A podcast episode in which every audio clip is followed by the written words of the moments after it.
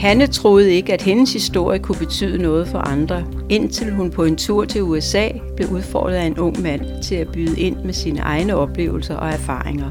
Så hun tog mod til sig og satte sig selv i spil, og det gav gode tilbagemeldinger. Da hun senere tog en kandidat i socialt iværksætteri, blev hun bekræftet i sit studievalg gennem gode oplevelser. I dag er den torsdagsklub for børn, som hun har været med til at starte, med blandt de 30 nominerede til Kristi Dagbladets initiativpris 2021. Hanne Østergaard, kan sok 32 år.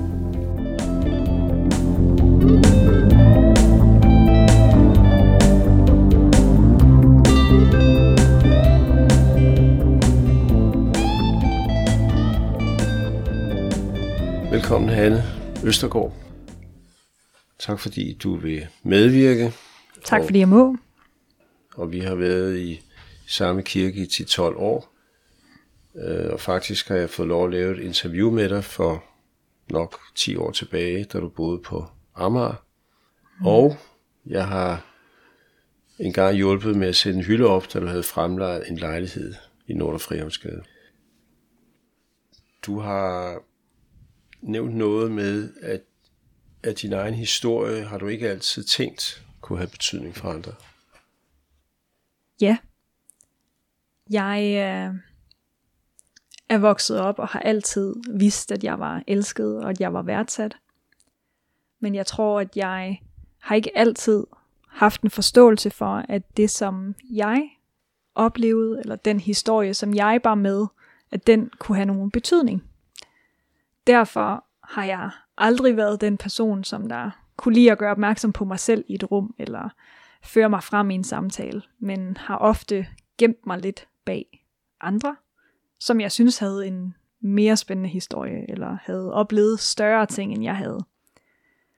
Og jeg har så en oplevelse, det er tilbage i 2009, hvor jeg er i USA med min søster, og vi er sammen med nogle unge mennesker fra en kirke derovre, og bruger nogle dage sammen med dem. Og der er en dag, hvor vi er ude i en park, hvor der kommer en ung mand hen til mig, og spørger, hvad jeg hedder, og spørger lidt om, hvem er du egentlig? Fordi nu har vi været sammen et par dage, og du har ikke på et eneste tidspunkt fortalt noget om dig selv, eller hvad du hedder. Og han gav mig en udfordring til at prøve at åbne op, og prøve at forstå og tro på, at min historie også havde en betydning. Og det var ikke et stort øjeblik, der skete ikke noget hokus pokus, men fra den dag af, så tog jeg imod udfordringen og prøvede at, at bringe mig selv mere i spil. Og det, øh, det var hårdt i starten, eller det var svært at gå fra at, at være tilpas i skyggen, og så til at rent faktisk at prøve at tro på, at, at jeg også havde noget relevant, og noget jeg kunne bringe til den her verden, og at min historie også kunne gøre en forskel. Og det er jo så også det, du oplevede.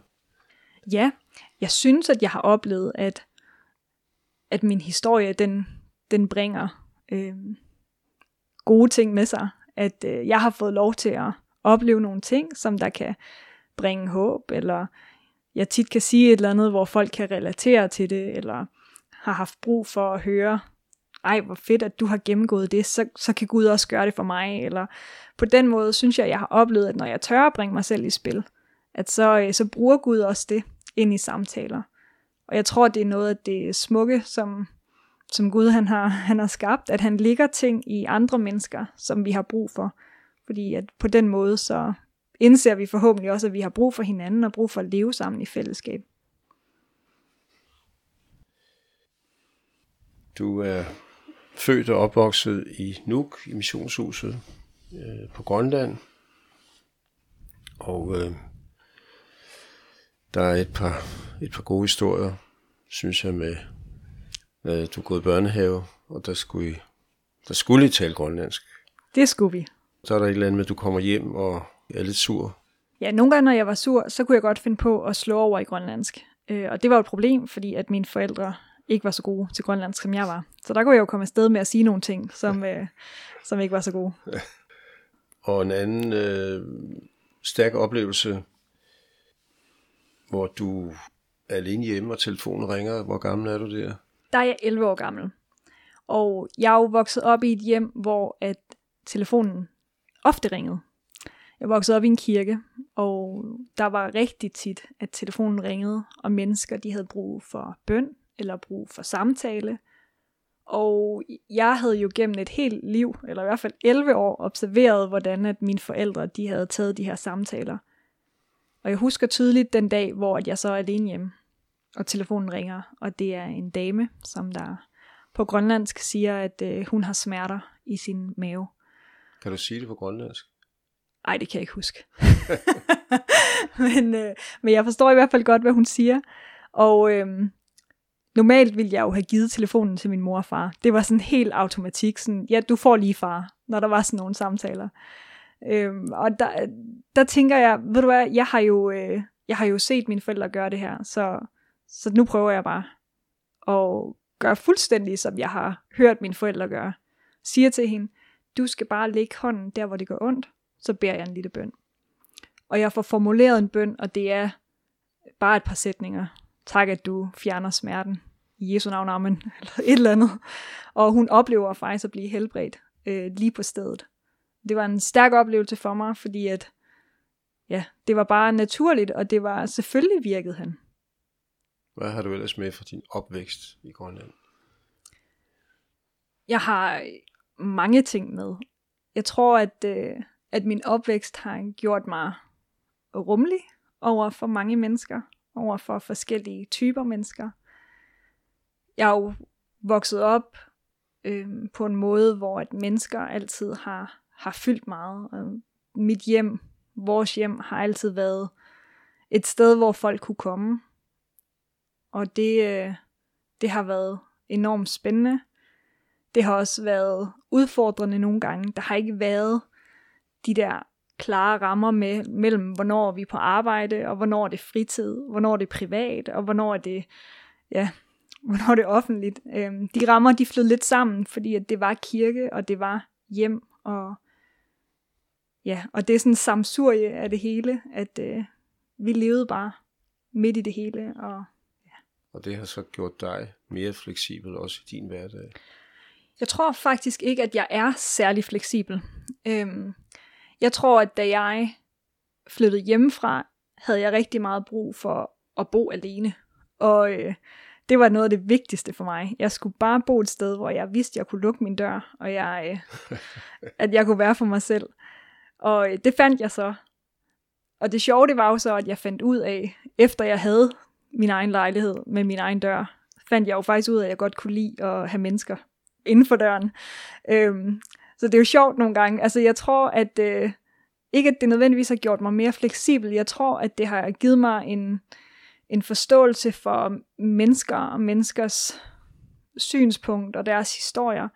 Øh, jeg tror, det har givet mig en evne til at ja, møde mange forskellige typer mennesker. så øh, er du en person, der rigtig godt kan lide at arrangere øh, fester eller events, som det hedder i dag. Og, øh, men samtidig er der nogle modstridende følelser, fordi at, at du kan egentlig bedre lide at snakke med mennesker en til en. Ja, jeg tror i virkeligheden, det handler om at have fundet den balance som jeg lige sagde, så kan jeg jo rigtig godt lide at være sammen med mennesker. Og jeg kan godt lide, at mit hjem er et sted, som der er fyldt med mennesker. Jeg tror, at det, som der har været lektion, har været at finde ud af, at det ikke nødvendigvis er der, jeg får min energi, men at det faktisk er, når jeg sidder for mig selv, eller jeg ja, bare bruger tid alene. Så det har været noget med at få den balance ind, at, øh, at jeg giver mig selv de huller, hvor at jeg får lavet op, så jeg også bedre kan give til de mennesker, som jeg gerne vil være sammen med, og være noget for dem. Ikke? Så har du egentlig altid forestillet dig, at du skulle arbejde inden for kirken, men der skete et eller andet i 2014. Det er rigtigt. I 2014, der øh, havde jeg netop færdiggjort min bachelor i dansk og psykologi jeg var overbevist om, at jeg skulle læse videre og blive gymnasielærer eller læse sprogpsykologi inde på Københavns Universitet. Og der har jeg sådan en oplevelse, hvor jeg sidder med min gode veninde, som der er studievejleder på det tidspunkt, og hun øh, sidder og joker lidt med, at nu skal hun lige planlægge min fremtid, og, og vi sidder og kigger på videregående uddannelser eller kandidater, og falder over den her nyopstartede master, som der er i social iværksætteri og ledelse. Og som vi sidder sådan og læser igennem, så kan jeg bare mærke, at det er det, jeg skal. Og det er en underlig oplevelse. Jeg tror aldrig, jeg har følt det sådan før. Og min veninde siger også sådan, jeg tror, at du ville have det godt i det her felt. Og jeg oplevede, og har aldrig oplevet, at det var et øh, enten eller, at nu skulle jeg ikke være i kirke mere, nu skulle jeg bare rykke ud, eller være ude i verden, hvis man kan sige det sådan. Jeg oplevede, at det var et, et og, som Gud sagde. At jeg har ikke lyst til kun at bruge dig i kirken, jeg har faktisk lyst til også, at du skal blive udrustet og dygtiggøre dig, til at jeg kan bruge dig andre steder og i andre sammenhænge. Det får dig så til at rent faktisk starte på det studie. Ja, jeg er så heldig, at jeg lige præcis har haft det fag, som der er adgangsgivende, helt uden at vide det. Så jeg ender med godt at kunne starte på det her hold, og øh, læser til den her masteruddannelse. Og så tager du kort tid efter til New Zealand. Ja, jeg... Hvor, hvorfor? Jamen, øh, det er rigtigt, jeg er færdig i 2016, og så rejser jeg i foråret 17. Og på det tidspunkt, så kom jeg fra en tid, hvor der, havde, der var sket meget, og jeg havde i lang tid haft lidt for travlt. Jeg havde i en del år forinden taget mig meget af min farfar, og havde ikke haft så meget tid til lige at mærke efter, hvor jeg var, eller hvordan jeg havde det. Så jeg tror, at for mig var det et, et gyldent øjeblik. Der var ikke noget, der bandt mig, og øh, det føltes rigtig godt at tage en beslutning, som egentlig bare handlede om mig og gøre noget, som jeg havde lyst til. Så jeg rejste afsted, pakkede en kuffert og købte en billet, og så rejste jeg hen på den anden side af jorden. Og, øh, ja, og var der. Og du fik faktisk øh, på en, brug for din uddannelse sådan på en overraskende måde. Ja, det gjorde jeg. Altså, jeg var jo enormt inspireret, øh, da jeg landede i Auckland og tænkte, nu skulle jeg bare arbejde med socialt, øh, sociale virksomheder og bruge al den her viden. Og øh, jeg tog en beslutning, som mange nok ville have syntes var en dårlig prioritering, eller en dum prioritering i forhold til mine midler. Jeg valgte at bruge 1.500 kroner på en konference, fordi jeg fandt en konference, øh, som der var for sociale iværksættere på New Zealand. Og jeg tænkte, hvis jeg gerne vil noget inden for det her, og hvis jeg gerne vil finde et job, så skal jeg møde de her mennesker, der arbejder med det. Og på det her tidspunkt, der, jeg havde ikke øh, nogen indkomst. Jeg, øh, jeg, jeg boede ved venner, og jeg, jeg havde ingen penge. Og jeg kunne jo bare se, hvordan at hver eneste måned, at der ikke kom noget ind, men at den der opsparing der, den bare blev lavere og lavere. Så det var jo vildt at bruge 1.500 kroner, plus en flybillet til at rejse ned til Sydøen, hvor konferencen blev afholdt. Øh, på noget, som jeg ikke helt vidste, om ville give på det. Men jeg, øh, jeg brugte et par dage på den konference, og jeg fik snakket med mange mennesker, og fandt også ud af, at jeg nok ikke ville få et job inden for det her felt, fordi at Danmark var meget længere og var meget mere etableret. Og på New Zealand var det på det tidspunkt meget en græsrådstanke, det her med at starte virksomheder, som der øh, ikke kun handler om at skabe profit, men også handler om at skabe noget social værdi for mennesker. Så i stedet, så øh, begyndte jeg, efter jeg kom tilbage til Auckland, begyndte jeg bare at ringe til nogle af de her mennesker, jeg havde mødt, og spørge, om de ikke havde lyst til at drikke en kop kaffe. Og så brugte jeg bare nogle eftermiddage på at sidde og høre deres historier, fordi det er inspirerende at høre folk fortælle om noget, de er passionerede omkring. Og så går der lidt tid, og så ringer telefonen, og det er så den her dame, som jeg aldrig har mødt før, som der leder et stort projekt, hvor at hun tager en masse øh, startup virksomheder, altså folk, der skal til at starte op med en, en social virksomhed. Så tager hun dem igennem et forløb øh, på ni uger, hvor hun klæder dem på, så de lærer alt om regnskab og budgettering og det at lave en forretningsmodel og alle de her ting. Og hun siger så, at øh, ja, du ved ikke, hvem jeg er, men de sidste mange uger, der, der er dit navn altså kommet op. Der er tre mennesker, der har ringet nu og, og sagt, at, øh, at jeg skal møde dig. Og vi ender med at drikke en kop kaffe, og hun ender med at invitere mig til at komme og undervise en af de her uger her. Og jeg får lov til at komme ind og undervise de her fantastiske mennesker, entreprenører, øh, som der ja, har en masse drømme og håb, og jeg, jeg får lov til at undervise omkring det her med et netværk og netværksbetydning, når du starter en virksomhed op, og hvordan kan du gå fra at se noget i dit hjerte til så at få det til at leve ude, øh, ude i virkeligheden. Mm. Og det, øh, det var jo bare en dag. Det var jo ikke noget, jeg kunne tjene penge på. Men jeg kan huske, at jeg kom hjem fra den dag, og jeg havde følelsen af, at jeg havde været som en fisk i vandet. Altså, at der fik jeg lov til at bruge det, som jeg havde lært, det, som jeg havde tillært mig, fik lov til at give det videre til andre mennesker, og det gav mig enormt stor værdi. Men du ender faktisk med noget, som du ikke havde planlagt øh, at komme på bibelskole, men, men du, skulle, du skulle lige hjem først. Ja, altså jeg øh, rejste jo til New Zealand med den tanke, at jeg skulle være væk et år. Og det er først helt sidst på året, at jeg beslutter mig for, at jeg gerne vil på bibelskole.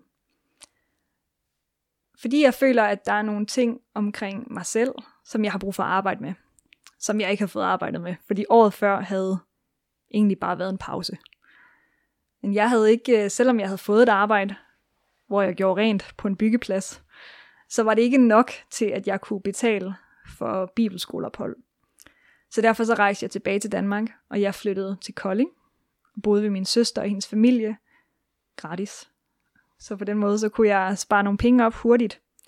Og øh, så rejste jeg afsted igen, og var afsted et år på bibelskole. Hvad, hvad gjorde det ved dig? Jamen, øh, det gjorde jo, at jeg fik arbejdet med de ting, som der var i mit liv, som der havde brug for at blive konfronteret. Det er jo fantastisk at være i et miljø af tro, øh, at være i et miljø af mennesker, som der tror på dig, som der hæpper på dig, men som ikke bare stryger dig med hårene, men som også tvinger dig til at, at få set dig selv i øjnene, og øh, få arbejdet med nogle af de ting, som, som der måtte ligge. Så det var jo et år, som der på mange måder handlede om at rive ned og bygge op igen, øh, og lære lidt om, hvordan er det egentlig, Hanne fungerer, og hvad er det, der ligger i Hanne. Men det er vel egentlig ikke en selvfølge, at du går på bibelskole, og så bliver konfronteret med sådan nogle ting? Altså. Nej, men der var alligevel nogle indbyggede øh, strukturer, jeg ikke var vant til. Altså for eksempel havde, havde jeg jo tilkoblet en mentor, jeg mødtes med hver 14. dag. Okay. Og hvad skulle jeg dog snakke med hende om, øh, udover mig selv. Så det er jo klart, altså det er jo sådan nogle ting, som, som der gør, som er rigtig gode, men som jeg aldrig rigtig havde fået op at køre i, i mit liv før. Øh, I hvert fald ikke at have en at mødes med regelmæssigt. Og en, som der jo også så nogle af de mønstre og de dårlige undskyldninger, som, som man nogle gange godt kunne øh, bruge. Øh, så det var rigtig godt for mig. Øh, at være et sted, hvor at jeg ikke bare lige kunne tale mig ud af det, eller ikke bare lige kunne smide mig udenom, men rent faktisk have tid, hvor det sådan, vi har faktisk tid til at snakke om de her ting. Og det kommer dig til gode, og det kommer alle de mennesker, du skal møde i fremtiden til gode. Så ja, mm. så det var rigtig godt. Så, øh, så er du tilbage i Danmark, og, øh, og hvad så? Jamen så så er jeg tilbage i Danmark, og jeg øh, lander i København øh, en måned før, at øh, nedlukningen den sker. Så det er jo rigtig svært at komme tilbage til Danmark. Jeg havde en idé om, at jeg skulle bare hjem og have et fedt job og have en fed lejlighed, og jeg kunne ikke finde noget af det. Øh, så jeg var lidt igennem en krise, da jeg kom hjem faktisk, fordi at der ikke var noget af det, jeg havde forestillet mig, der skete. Øh, og så fik jeg så en opringning på et tidspunkt, med et job. Og det var sådan et job, hvor jeg skal have svar i morgen kl. 12. Okay. Øh, og der, øh, det er en fra Blå Kors, som har fået nogle penge til at øh, lave aktiviteter for børn. Og der får jeg så øh, lov til at finde nogle børn et sted, og der var ikke nogen manual med, hvordan i alverden skulle det her se ud. Jeg fik bare en pose penge, og så fik jeg at vide, nu skal du bare gøre noget godt for børn, som ellers ikke har fået en sommerferie. Og øh, jeg vælger at prøve at, at finde et område på Frederiksberg, som der har nogle børn. Og falder så over et område, der hedder Stjernen, der ligger på Frederiksberg, hvor der bor en masse børn. Og få kontakt til nogle af de medarbejdere, som der er derude. og øh, får lov til at komme ind, altså hver 14. dag, og lave aktiviteter for de her børn. Og det var så om sommeren, eller? Det var sommeren 2020, ja. Og så kan man jo godt sige, at det har udviklet sig. Det har det. Det har det. En ting var, at det var altså enkeltstående, hvis man kigger på det, var det en stor succes, og vi fik lov til at give de her børn nogle rigtig gode oplevelser. Vi havde ikke forventet, at øh, vi ville få så god en relation med de aktivitetsmedarbejdere, de sociale medarbejdere, som der er ude i området. Så da jeg sidder til en evalueringssamtale, og tror, at vi skal snakke om, hvordan det har gået, og de så vælger at sige i stedet for, vi vil gerne invitere jer ind til at lave en børneklub permanent, der, øh, der skulle jeg lige der skulle jeg lige forstå ordentligt, hvad det var, de sagde. Men altså, det er jo faktisk endt med, at vi er startet her i september, startede vi en øh, børneklub op ude i det her område, som der kører fast hver torsdag for børn mellem 6 og 12 år. Og der kommer cirka hvor mange? Vi har indmeldt 20 børn, øh, og de, de kommer. Du er også med i noget, der hedder familienetværket. Og hvad er det?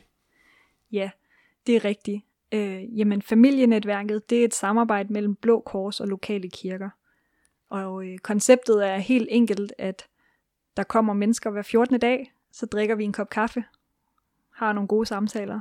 Så er der aktiviteter for børn og for voksne, og så spiser vi aftensmad sammen. Og til sidst er der en frivillig andagt for dem, som der har lyst. Og vi har familienetværk inde på vores lokation på Frederiksberg, og øh, drives af Helle Åen inden for kirken. Og jeg er med som frivillig, og nu er jeg også så heldig at være ansat nogle timer til at arbejde med familienetværk. Og det er klart, da vi blev øh, spurgt om at lave børneklub derude, så er det jo fordi, at de også har lært Helle og jeg at kende, ved at vi kommer fra familienetværk.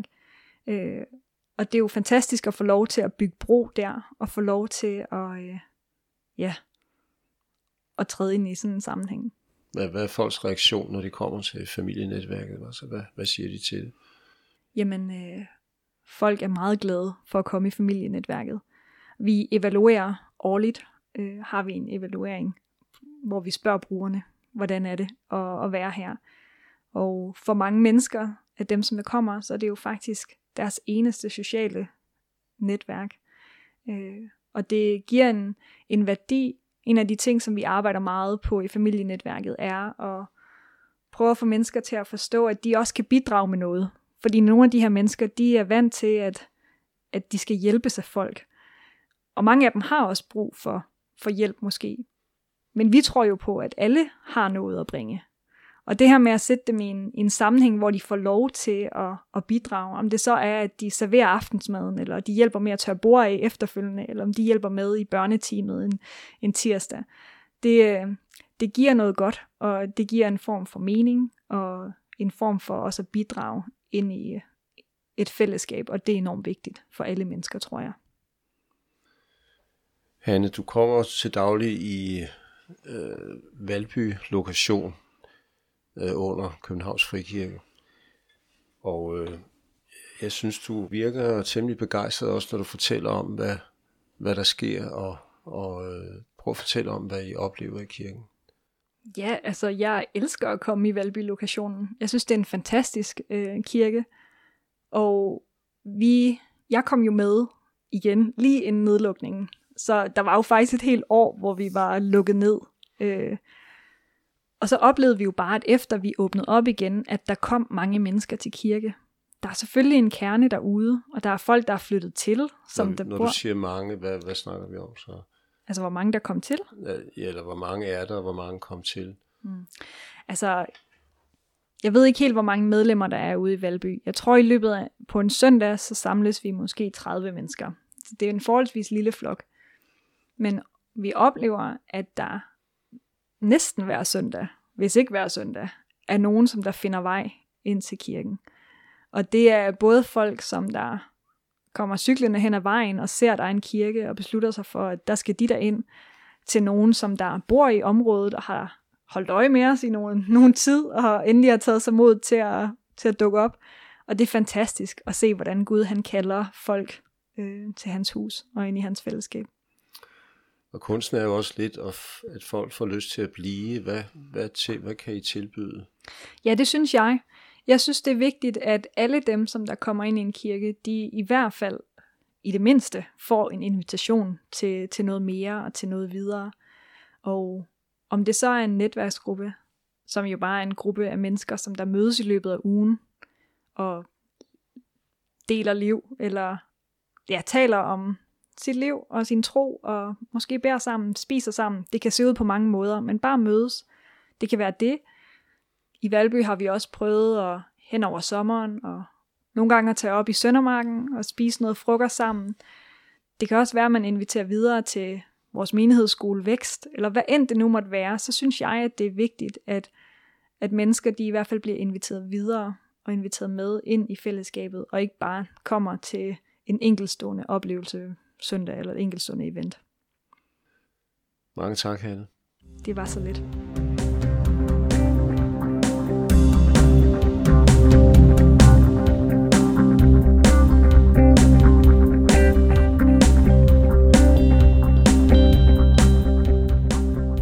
Du er velkommen til en uforpligtende gudstjeneste i kirken i Valby.